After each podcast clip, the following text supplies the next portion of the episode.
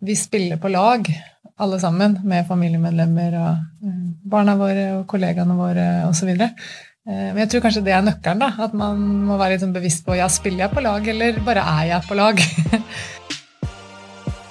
Velkommen til podkasten Hva hvis det er mulig, da. Mitt navn er Anja Hammerseng Edin, og i dag har jeg med meg dama som jeg er stup forelska i. Det er så gøy å få lov å dele henne med dere. Altså ikke dele-dele, men få lov å dele tankene dine med resten. Jeg er veldig glad for at du er her. Og grunnen til at jeg har invitert med Gro Hammerseng Edin i dag, det er at uh, for meg så er du et menneske som jeg fortsatt er nysgjerrig på. Og jeg tror at vi alle har masse, masse, masse å lære av deg. Og du har vært kåra til verdens beste håndballspiller. Uh, men du har også vært kaptein i alle lag du har vært i. Og der er vi egentlig alle sammen innimellom. Vi er ikke nødvendigvis landslagskapteiner, men vi spiller på lag med familien vår, med vennene våre, med kollegaene våre. Og vi skal lage et fellesskap som faktisk fungerer også under stress. Så det har jeg lyst til å snakke om i dag, og særlig nå sett i lys av foredraget som vi har laga sammen på kulturhusa rundt om i Norge nå, hvor vi har jobba egentlig ganske lenge med foredraget Framsnakk. Jeg tror det at det er det nye kule. Jeg tror det nye kule er faktisk å løfte hverandre opp og snakke pent om hverandre, også med kjæresten din. Jeg tror veldig på det at jeg, når jeg snakker pent om deg, når jeg tenker pene ting om deg, så tror jeg at vi to får en helt annen energi i vårt forhold. For det vi leiter etter, det får vi mer. av. det er helt overbevist om. Og jeg er så takknemlig for at du skal være her nå og lære oss mer om hvordan bygger vi lag, hva er det viktigste for deg når det gjelder lagspill, og også hvordan kan vi være i den tilstanden som gjør at det er mulig å framsnakke. Så tusen takk for at du er her, Gro. Takk for at jeg får lov å være her. Det er en glede, som alltid, å samarbeide med deg. Eh, elsker eh, energien og lekenheten. Eh, blir veldig inspirert. Så ja, jeg håper at jeg har noe jeg kan bidra med. Og du sier jo det at vi spiller på lag, alle sammen, med familiemedlemmer og barna våre og kollegaene våre osv. Men jeg tror kanskje det er nøkkelen. da, At man må være litt sånn bevisst på ja, spiller jeg på lag, eller bare er jeg på lag? det er forskjell på det. Ja, Hva er forskjellen på det? Det er jo først og fremst at du har en holdning hvor du tenker at uh, jeg er uh, i stor grad ansvarlig for hvordan vi har det sammen, da, og hva vi skaper sammen. Uh, Istedenfor at uh, du har en hel haug med forventninger om hva den andre skal gjøre, og hvordan miljøet skal være. det å ta eierskap til å være med å aktivt skape det gode miljøet. Og, det er jeg veldig opptatt av, og jeg tror det er en nøkkel. Da.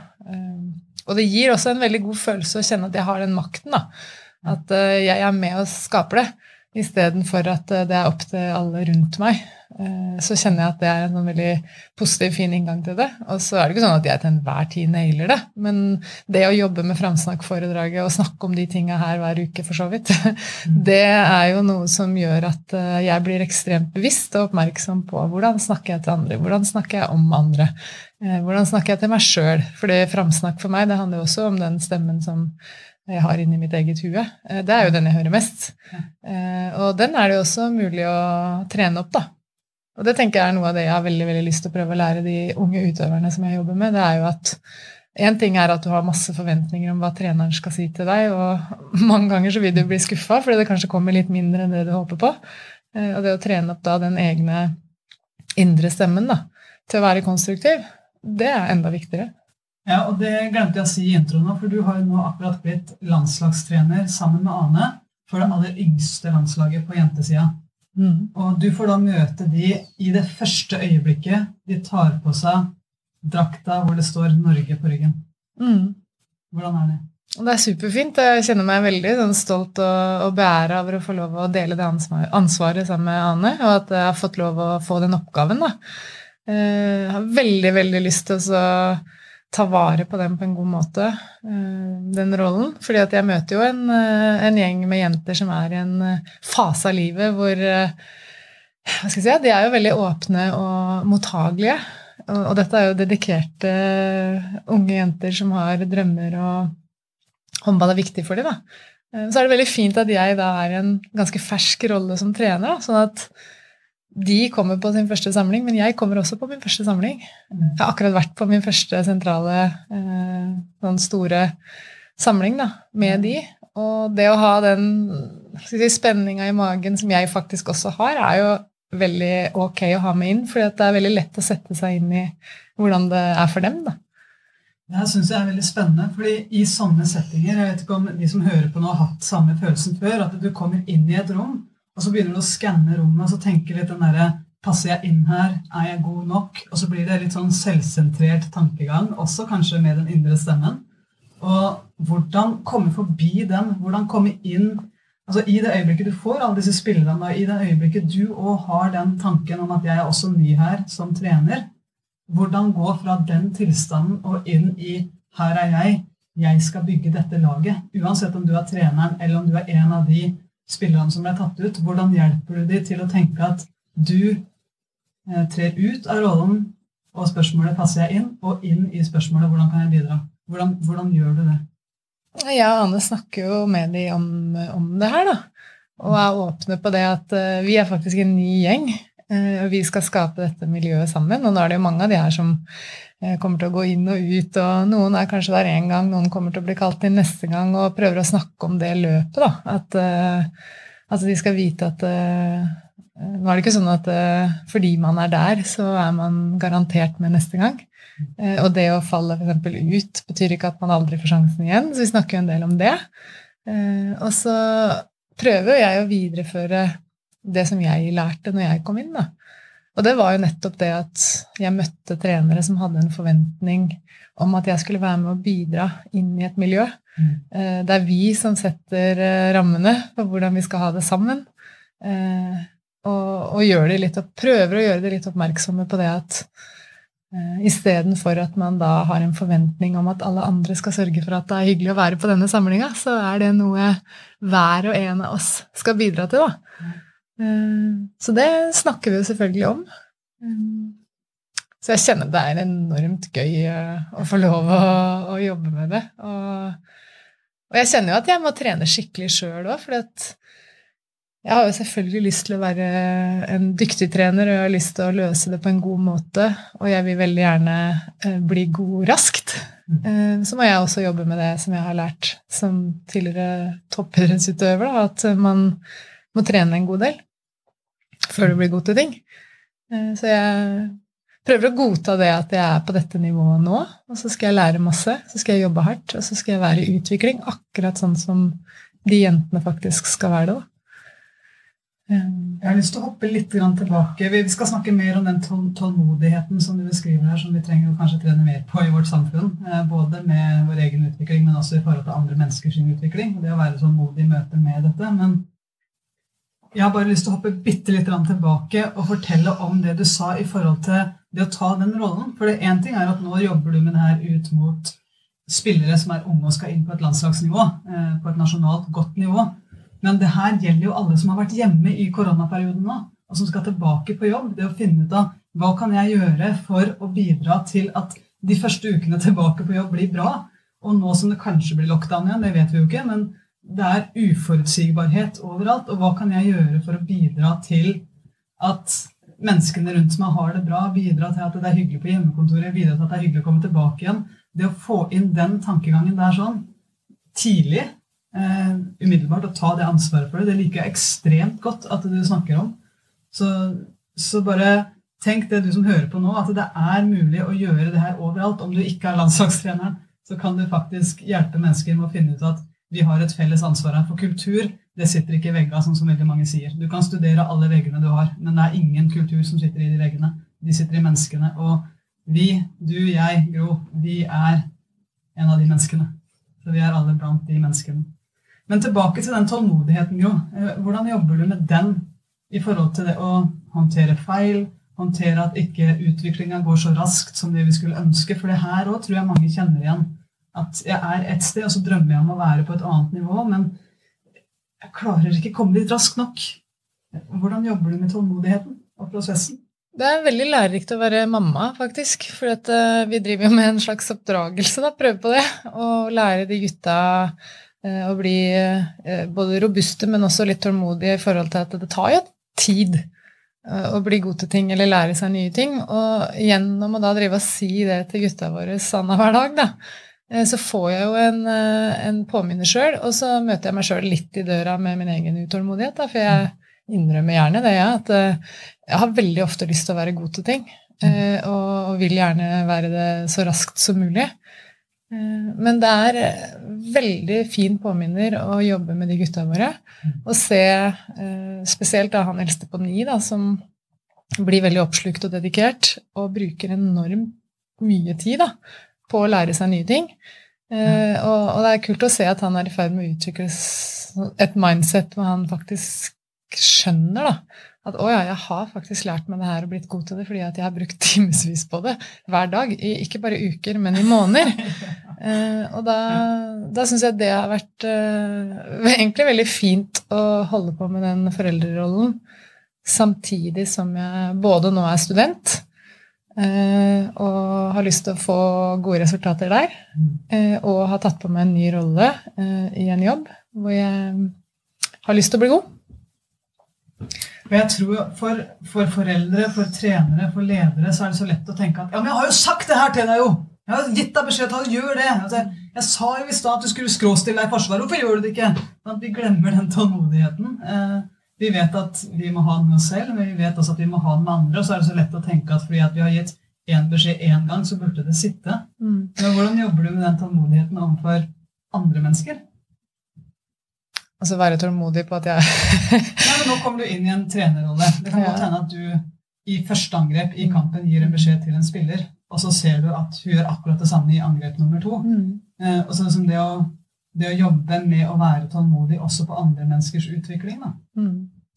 Ja, da gjenstår det å se hvor tålmodig jeg klarer å være, da. Eh, men, men, jeg tror at uh, igjen, det å ha uh, bakgrunnen som utøver og kaptein i mange lag, der hvor jeg har sett hvor uh, ulike vi er. Uh, og både du og jeg, bare du og jeg som eksempel, da. Uh, vi har jo litt uh, ulik måte å jobbe på. og har ulike preferanser. Og jeg ser jo det at noen ting sitter umiddelbart hos deg. Mens jeg trenger flere repetisjoner, og så er det jo motsatt i andre, andre settinger. Så det jeg håper at jeg kan ta med meg, i hvert fall i trenerrollen, er jo det å være nysgjerrig på Eh, hver enkelt utøver da, og finne ut sånn hvordan lærer du best? Hva slags kommunikasjonsform funker godt på deg? Uh, og det holder vi på med med gutta våre òg, for de er to helt ulike personligheter. Mm. Uh, jeg tror det handler veldig mye om å bli kjent med den personen som du skal uh, jobbe med. da. og så, så er det jo litt sånn som du og jeg har holdt på med nå når vi snakker om framsnakk og vi snakker om fokus. Så det å jobbe med litt forventningsavklaringer har jeg jo lært er viktig. Eh, når du og jeg skal gjøre noe sammen, så må jeg finne ut av hva er viktig for deg. Eh, hva trenger du før vi f.eks. skal levere et foredrag? Eh, være nysgjerrig. Fortell litt om den prosessen der. For der er vi inne på hva vi faktisk trenger for å fungere. Og jeg tror, En ting er at vi to holder foredrag sammen og jobber sammen. Men for andre så kan det være at de, de har en helt annen jobb sammen med andre kollegaer. Mm. de kan mm. være hjemme, og så har de en kjæreste som de har lyst til å fungere sammen med. Men fortell litt hvordan vi to jobber med det her i praksis? For eksempel, helt konkret, så vil jo du meditere rett før vi skal på en scene. Eh, og det er det som setter deg i rett tilstand. Eh, mens jeg gjerne vil høre på musikk i backstage. Da. Uh, og da har det jo blitt til at vi som oftest finner en plass til deg, da. De siste minutta hvor du faktisk kan få meditere, og jeg kan faktisk få lov å fortsette å høre på den musikken. Det er jo en helt konkret ting. Uh, og så har jeg lært deg å kjenne, sånn at når du da i siste liten finner ut at du skal på do og sånn, ett minutt før vi skal gå på scenen, så blir ikke jeg så stressa lenger, for eh, det, er en sånn ting som har blitt en del av rutinen. Det gjør du. Men uh, i starten så ble jeg litt stressa av det. Jeg tenkte sånn, herregud, skal du det nå? Så kort tid før vi skal på? Um, og ellers er det jo litt det at uh, vi er godt forberedt. da. Begge to trenger det. Vi må ha satt av nok tid til forberedelse. Uh, og du liker jo at vi lever i det. Akkurat som du skal liksom leve i kampen, så lever vi i det foredraget. Og det er ikke alt som er planlagt på forhånd i detalj. Uh, men, men, vi må ha på en måte en grunn, grunnforberedelse som gjør at man klarer å få skuldra ned og, og, og, faktisk da være i en tilstand hvor du kan leve litt lekent i det. da. Uh, og jeg syns den der er så innmari fin, for jeg tror det er mange som eh, vet inni seg egentlig hva de kunne tenke seg å gjøre for å fungere godt på jobb eller fungere godt hjemme. Mm. Men det er så få, syns jeg, som snakker om det. Sånn, hva er det du faktisk trenger for å fungere? For når du stilte meg det spørsmålet første gang, så er det veldig lett for meg at jeg begynner å skanne huet mitt og tenke hva hadde vært bra for Gro at jeg svarte nå? Mm. Sånn, Men det å faktisk gå inn i mitt eget hjerte, min, i min egen inn i min egen tilstand, tenke hva er det jeg faktisk trenger, og så våge å i tillegg si det høyt til deg, sånn at vi kan fungere optimalt, det er jo også en trening. Det å tørre å tenke at mine behov er også viktig. Mm, absolutt. Hvordan har dere jobba med det i landslaget før jeg kom inn? Med det der å finne ut av hva er vi gode på, hvordan, hvordan finne ut av hva hverandre trenger? Det er jo noen sånne grunn... Uh, hva skal jeg si, kalle regler, da. Men det er jo noen sånn basics som gjelder for alle, som, som alle følger. Uh, og som det er forventa at alle følger. Det er veldig tydelig egentlig tegna opp. Og så er det noe man blir enige om, men kan ikke akkurat si det at hver gang det kommer en ny spiller inn i laget, så tar man en sånn runde og spør sånn Ja, hva liker du? Det er jo noe man fortsetter å holde i, som er eh, grunnleggende ja, forberedelser, måte å varme opp på, f.eks., som, som er likt for de aller fleste.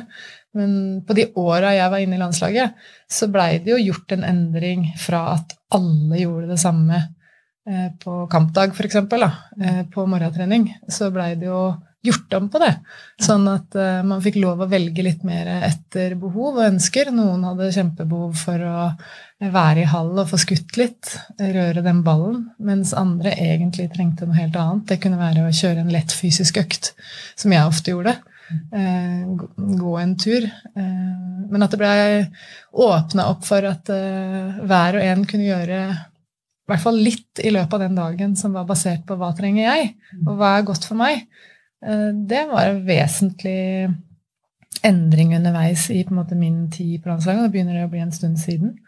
Eh, men det ser jeg jo at, eh, at det, fortsetter, det, fortsetter, å være sånn, da. Men hvorfor, hvorfor fremsnakke? Altså hvorfor ha fokus på det å løfte hverandre opp? For meg så er det liksom et dumt spørsmål, da, men jeg må jo prøve å tenke nå at det kanskje sitter noen eh, og hører på som ikke er så kjent med det her. Ja, og grunnen til at jeg spør, mm. Eh, det er at uh, veldig ofte så er det sånn Ja, ja, bla, bla, bla, det er sikkert kjempefint og lurt, det, men uh, vi får jo ikke en økonomisk uh, vekst av det. Så det, det forventer jeg. Så får vi ta det på en eller annen heidundrende fyllekule sammen et eller annet sted. Det er mange som har den tilnærminga. Ikke alle, men veldig mange måler tid i penger. Så hvorfor skal man bruke tid på å framsnakke? Hvorfor kan jeg ikke bare ha en forventning om at alle skal bare sikre sin egen tilstand? Kom på jobb, få det gjort, gjør hva du vil.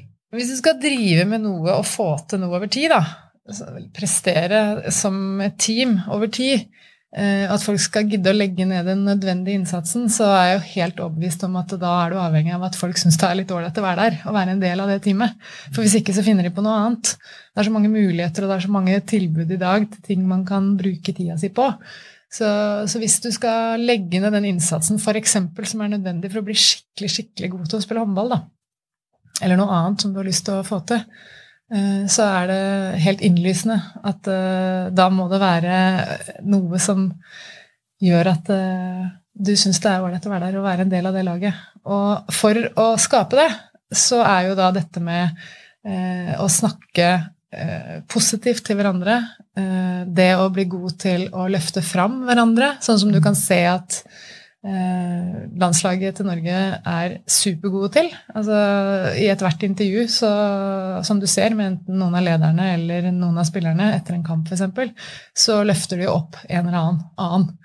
Det der syns jeg er så utrolig fint. Og det, det, gjør jo at eh, mange føler seg sett og anerkjent og verdsatt. Det setter de aller fleste folk pris på.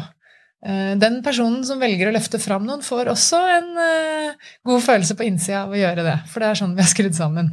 At det å gjøre noe godt for andre, det, det gir jo meg en god følelse. Det er akkurat som den derre som du kan sikkert kjenne igjen hvis du lar noen få lov å slippe fram når, de, når det er kø. og du ser en eller annen som sitter og venter og venter, venter, og det er bare en evig lang kø. Og så er du det mennesket som stopper opp og slipper den personen inn. Da blir du solgt. Kjenner du deg som en ordentlig god person. Uh, og den følelsen får jeg jo ofte når jeg liksom er raus med omgivelsene. Og så er det noe med at uh, hvis jeg vet hva du er god til, og har et klart bilde av hva du er god til, uh, så er det mye lettere for meg å spille deg god òg. Så når jeg skulle være spillstyrer da, og legge opp ulike systemer, så måtte jeg vite hva du var god til, for at du skulle komme til din rett. Mm. Eh, og sånn er det jo i alle andre settinger òg. Ja, du kjørte jo den runda der på meg i koronaen, når den slo inn, og vi begge to ble på hjemmekontor med to barn eh, mm. på hjemmeskole og hjemme fra barnehage. Fortell litt om det. Ja, Hvordan det var å havne på hjemmekontor med deg? Ja, ja det Ikke fortell alt om det. Nei, men det du veldig fort gjorde da, det var jo å spurte meg rett og slett hva, hva trenger du nå, og du, når er du god? Ja, fordi at eh, vi kjente som helt sikkert veldig mange andre at det ble ganske intenst å skulle ha hjemmekontor og hjemmeskole og hjemmebarnehage og alt på en gang. Eh, og få mindre input fra andre da, enn det man var vant til. Så da måtte vi jo jobbe litt eh, hardere enn vanlig for å bevare en god stemning og fortsette å være hyggelige med hverandre. Mm. Og se hverandre på en måte med litt kjærlighet i blikket. da. Og da spurte jeg bare rett og slett hva er viktig for deg for at du skal ja, få gjort det du trenger på jobb, og hvordan kan jeg sørge for at din dag blir god, da. Og da var jo du veldig tydelig på det. Du hadde noen behov. Det var bl.a. å meditere på morgenen. Du må jo gjerne meditere flere ganger om dagen, men i hvert fall eh, som noe av det første du gjør. Eh, og du ville veldig gjerne trene tidlig. Eh, og så husker jeg at du sa at jeg jobber best på eh, formiddag. Du jobber bedre på formiddag enn du gjør på kveld mm. eh, hvis du skal være kreativ. Og da var jo det litt sånn Ok, da prøver vi å sørge for det. For jeg er en som fint kan eh, være kreativ og jobbe på kvelden. Eller på ettermiddagen. Så når vi da måtte dele, så gjorde vi jo den eh, skal si det, vi planla det sånn, da. At eh, ikke hver dag kunne vi klare det, men ofte så klarte vi jo det. Mm. Og så fikk jo jeg lov å sette ned noen ting som var viktig for meg. Uh, og da spilte vi hverandre gode på den måten. Det er jo helt åpenbart at det er bedre at du hjelper med leksene enn meg. Uh, for der er du supertålmodig, og du er jo faktisk utdanna lærer. Det funker som ei kule. Når jeg skulle ta den oppgaven, så blei det jo litt dårlig stemning. så da fant vi ut at vi kunne i hvert fall prøve å bruke styrkene våre på en fornuftig måte hjemme. Da. og da, da jobba vi også med å sette takknemlighet i system. For jeg er en ekstremt takknemlig person. Jeg har ikke noe trøbbel med å finne hver eneste dag ting å være takknemlig for. Men en liten, liten periode, eh, særlig starten av pandemien, så, så, hadde jeg litt høye skuldre, og jeg var i en litt mer stressa arbeidshverdag enn det jeg er nå. da. Eh, så da, da, måtte vi jo faktisk sette det litt i system. Så da fikk vi en sånn krukke av Marius, kollegaen vår, kompisen vår, eh, som vi valgte å ha framme. Sånn Eh, syltetøyglass, nesten. Med lokk på. Og da starta vi dagen med å skrive noen eh, papirlapper rett og slett, som vi putta oppi der. Eh, for å styre fokuset litt mot hva er det vi egentlig kan velge å være takknemlige for. Og avslutta hver eneste dag med å ha en sånn sekvens med eldstesønnen vår hvor vi spurte hva som hadde vært det beste med hans dag. Og da fortalte jo vi selvfølgelig også hva som hadde vært fint med vår dag. Eh, det ble en god avslutning på dagen. Eh, og så hadde jo du eh, morgenboost som du satte i gang, for du fant ut at det var ikke bare vi. det var ikke bare du og jeg som hadde behov for bevisst jobbing med fokus. Så Takknemlighet er jo ekstremt kraftfullt. Og til dere som er fellow nerds, da, som hører på nå, så vet dere at i meditasjonen så finnes det veldig mange ulike muligheter, og en av de er det som kalles loving kindness eller metameditasjon. Og det er uh, egentlig litt linka opp mot takknemlighet, så jeg kjører jo det her til vanlig, og jeg er veldig takknemlig for at kona mi også kjenner at det har en effekt. Og jeg anbefaler å teste det. Vi kjørte Morgenboost online under korona, sånn at vi fikk med flere mennesker på det her. Hvor vi da jobber med takknemlighet på hva er det som har skjedd de siste 24 timene av livet ditt som du er takknemlig for, eller som du kan velge å være takknemlig for hvis du hadde leita. Det kan være noen mennesker som har fått deg til å smile. Det kan være noe god mat du har spist. Det kan være noe som har gjort deg glad på en eller annen måte. Og hva er det du kjenner at du faktisk er takknemlig for, som er i livet ditt akkurat nå? Jobber vi også med. Og, og, for å få til det, så må vi også sånn, våge å kjenne etter. Da. Ikke bare intellektuelt la hjernen tenke over ting, men faktisk tenke det og faktisk føle det òg. Eh, så, så, det jobba vi masse med under koronaen, og det gjør jo noe med hele tilstanden.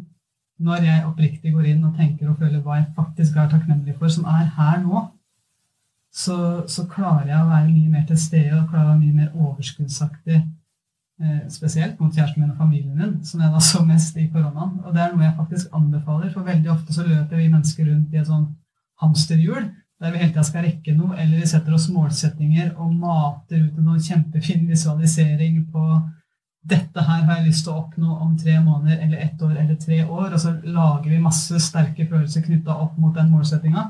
Men da glemmer vi ofte å knytte opp takknemlighet mot noe i blikket, Så det blir et lite gap mellom der vi ønsker å være, og der vi er akkurat nå. Som om framtida er det som skal gjøre oss glad. Eh, det som skal skje i framtida, er det som skal gjøre meg glad. Hvis vi setter den forventningen, så glemmer vi jo den intense gleden vi kan kjenne på allerede nå. Og jeg likte veldig veldig godt at vi faktisk satte i et system, både som familie, men også inviterte flere mennesker inn da, digitalt på det her sånn, eh, under koronaen. Det anbefaler jeg veldig videre. Men du er ikke så veldig vant til meditasjon, eh, Gro? Jeg har jo en som jeg faktisk eh, fortsetter, fortsetter, å, fortsetter å høre på. Fortell litt om den, den er gøy. Uh, hva heter den? Jeg fikk den jo anbefalt av Marius, eh, kompisen vår, og kollegaen vår. Uh, og er det Let that shit go? Nei, fuck it-meditasjon heter den faktisk, hvis jeg skal være helt ærlig. og den funker veldig bra for meg, for den er ganske sånn uh, kort, og jeg liker stemmen hennes. Og uh, den får meg litt den, Jeg ler litt av den, da. på grunn av at den nettopp gjentar liksom fuck it når du driver og puster inn og ut. Eh, men eh, jeg liker også den hjertefokuserte pusten som du jobber mye med, som du gjør av og til eh, sammen med meg. Og så generelt det med pusten, bevissthet rundt å bruke pusten, f.eks. hvis jeg er nervøs, da. Det gjør jeg jo hele tida.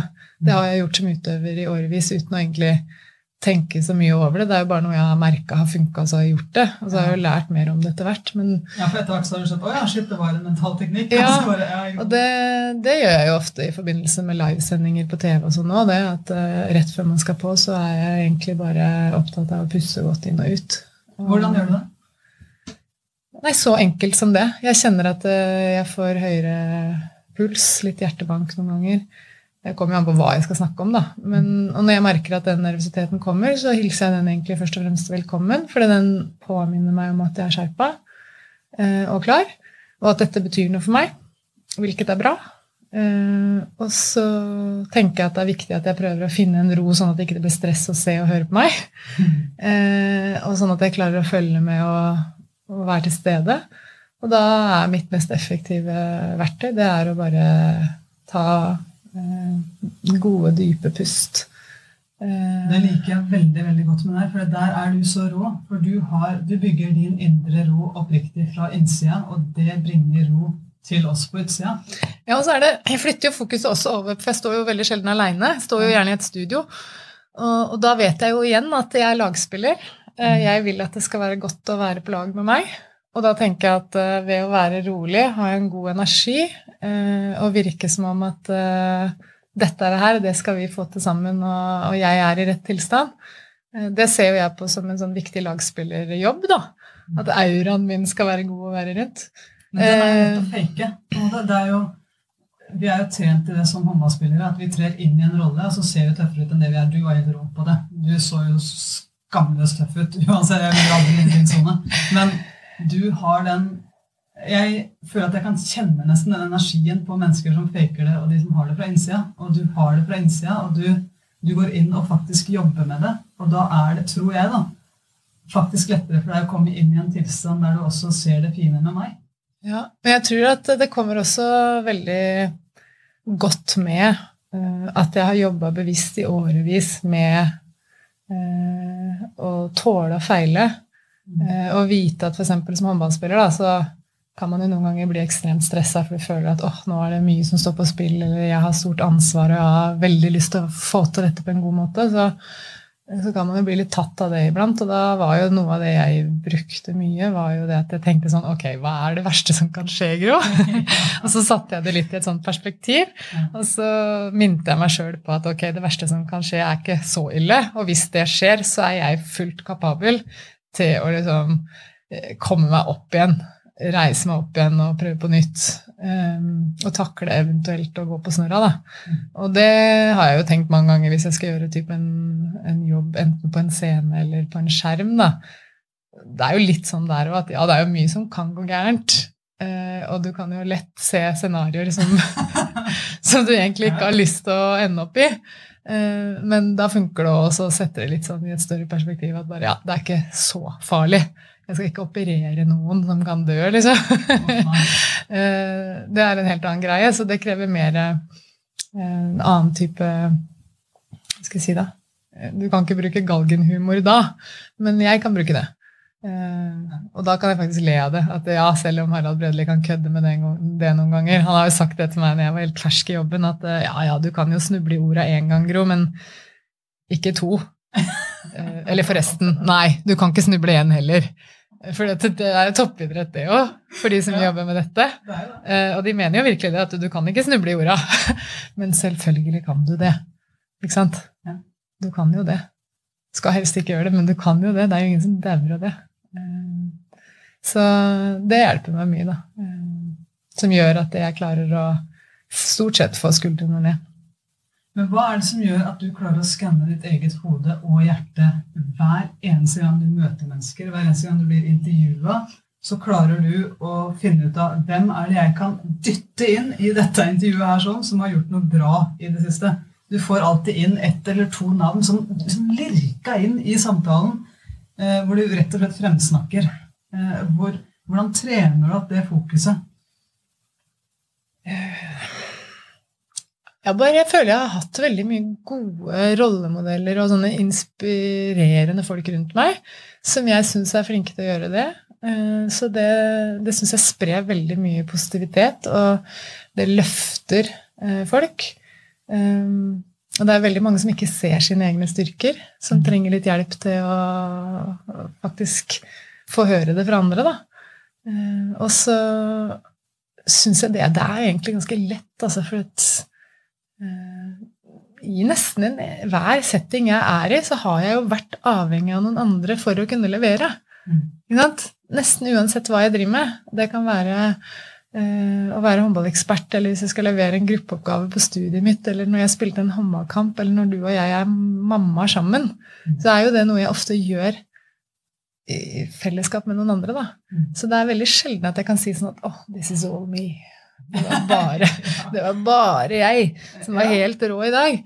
Uh, Men du har jo den evnen. Jeg vet jo at vi har, uh, vi har også snakka om hva vi er gode til i forhold til mammarollen. Og, og, jeg er jo god på å stå tidlig uh, og være med ungene der. Men du er ekstremt god på å kunne våkne på natta, hjelpe til med det som måtte være, og så klare å sovne igjen. Og jeg husker så godt at når vi da har folk på besøk, og jeg vet det at hvis jeg skal være skjønn, eh, så trenger jeg å legge meg typ klokka ti, da, så tidlig som Leo står opp. Og jeg vet jo inni meg at jeg, jeg er jo ikke nydelig hvis jeg får lite søvn. Det er jo en av mine veldig veldig, veldig svake punkter. Men du sier aldri det. Hver gang jeg går og legger meg, det er folk hos oss, så, bare, så sier du sånn Ja, nei, Anja, hun, hun trenger den søvnen. Hun blir så skjønn i morgen når hun legger seg nå, så la oss heie på det. Så du, du har en sånn fantastisk måte å snakke meg opp på, selv de dagene hvor jeg vet inni meg at her hadde jeg fortjent en liten en. Men du, du, formulerer det sånn at jeg føler at jeg har vunnet. Ja. Ja, men nå er du sjukt bra å være sammen med, da. Ja, sånn ikke sant? Hvor bra er ja. Nei, men, men, du er jo det, så jeg syns ikke det er så vanskelig å finne ting å være eh, takknemlig for eller løfte opp med deg. Da. Og det er jo kanskje det jeg ser mest etter òg. Jeg går faktisk ikke rundt og leiter etter feilene feila dine, eller det som jeg kan få snakka ned. Eh, så, for det er veldig lett i dagens samfunn. Ja. Det er, og det fikk vi ganske kjapp tilbakemelding på av noen som syntes det var gøy å harselere med fremsnakk. Det er, ja. Jeg skal lage noe som heter baksnakk. og det det er jo litt sånn ironiens verden og der samfunnet vårt har gått. Og jeg er så stolt av at vi faktisk fremmer fremsnakk. Og jeg har lyst til å virkelig oppfordre alle som hører på nå, som bare ta i bruk min nydelige kone. altså I all ydmykhet så syns jeg faktisk kona mi er den beste i hele verden. Men ta i bruk de verktøyene. ta og Se hvem er det du har rundt deg som du kan ta på fersken i og utgjort en positiv forskjell i deg. Og hvordan kan du name-droppe de? altså Droppe inn det navnet når du prater med andre mennesker. og Fortelle den historien videre. og det som er så fint med å jobbe med f.eks. takknemlighet, da, det er at når du da skanner hodet ditt og hjertet ditt etter positive opplevelser, så vil du etter hvert finne at det òg inneholder andre mennesker. Og da, når du virkelig reflekterer over det og tenker over det, så går det an å bringe de historiene videre. Så plutselig så har du noe å prate om. Ja, og så, og så har jeg lyst til å presisere det, for det er jo nesten uten unntak Hvis vi skal snakke om f.eks. framsnakk, da, så er det jo skeptikere som bare sånn Ja, men det kan jo bli litt vel mye av det gode her, liksom. Og det skjer jo ikke noe utvikling hvis man bare skal drive og klappe for hverandre. Og det er der jeg vil bare understreke, da, at vi jobber jo masse med utvikling. Og vi jobber ekstremt mye med også å ta de vanskelige samtalene når de kreves, når det er bruk for det. Men det er mye lettere å komme til de gode samtalene om eventuelt hvis jeg skal ta opp noe som jeg syns at Anja, det her det funker jo ikke i det hele tatt, så er det mye lettere for meg å få en god samtale med deg når i utgangspunktet eh, jeg eh, i hverdagen vår da, er flink til å løfte opp det du bidrar med, og jeg leiter etter hva det er du gjør i hverdagen vår som er positivt for meg og for barna. Sånn at, akkurat som når vi var utøvere sammen, da, så når du er klar over at jeg anerkjenner dine styrker Jeg har satt ord på det. Jeg er veldig klar over at du var sykt god til å spille inn til linja. Du var ekstremt god til å skyte i veldig mange settinger hvor jeg ikke turte å se på mål engang. Det visste jeg, og det visste du at jeg visste. For det hadde jeg sagt mange ganger, og det hadde jeg anerkjent, og det hadde jeg eh, gitt uttrykk for ved flere anledninger så var det også sånn at det var lettere for meg da å være direkte, stille krav eh, og utfordre deg i andre settinger. Fordi at vi hadde bygd opp en relasjon som var basert på at jeg ser deg, jeg anerkjenner den innsatsen som du leverer, og de egenskapene som du har, som dette laget trenger. Og sånn er det jo hjemme i huset vårt òg. Eh, og jeg tror at det er det som er viktig å få fram. At vi går ikke bare og klapper for hverandre, men vi gjør det veldig, veldig ofte. Hver eneste gang det er grunn for det, og det er en anledning til å løfte fram den andre, da, eller de andre, så gjør vi det fordi at det bygger eh, en ganske sterk grunnmur. Og sykt god stemning, da. Og det tenker jeg jo liksom er sånn det, Jeg er opptatt av å ha det gøy. Jeg, jeg var ikke bare opptatt av å bli uh, dritgod. Jeg hadde lyst til å ha det gøy. Jeg hadde lyst til å ha det morsomt med de folka jeg var sammen med. Og du og jeg òg. Vi har jo ikke lyst til å bare uh, være gode og levere varen. Vi har jo lyst til å ha det gøy på den reisa og ha det fint sammen.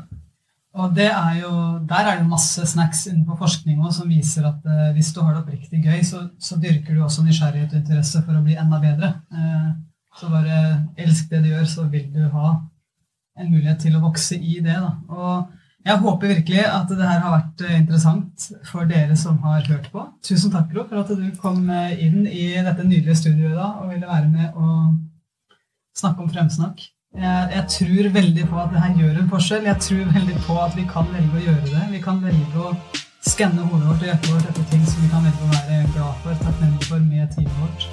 Og det å bygge da den tilliten, den tryggheten i bånn så kommer du brått også unna med en ganske knallhard takling. takk for at jeg fikk komme. Yes, tusen takk for i dag. Ha en nydelig dag videre.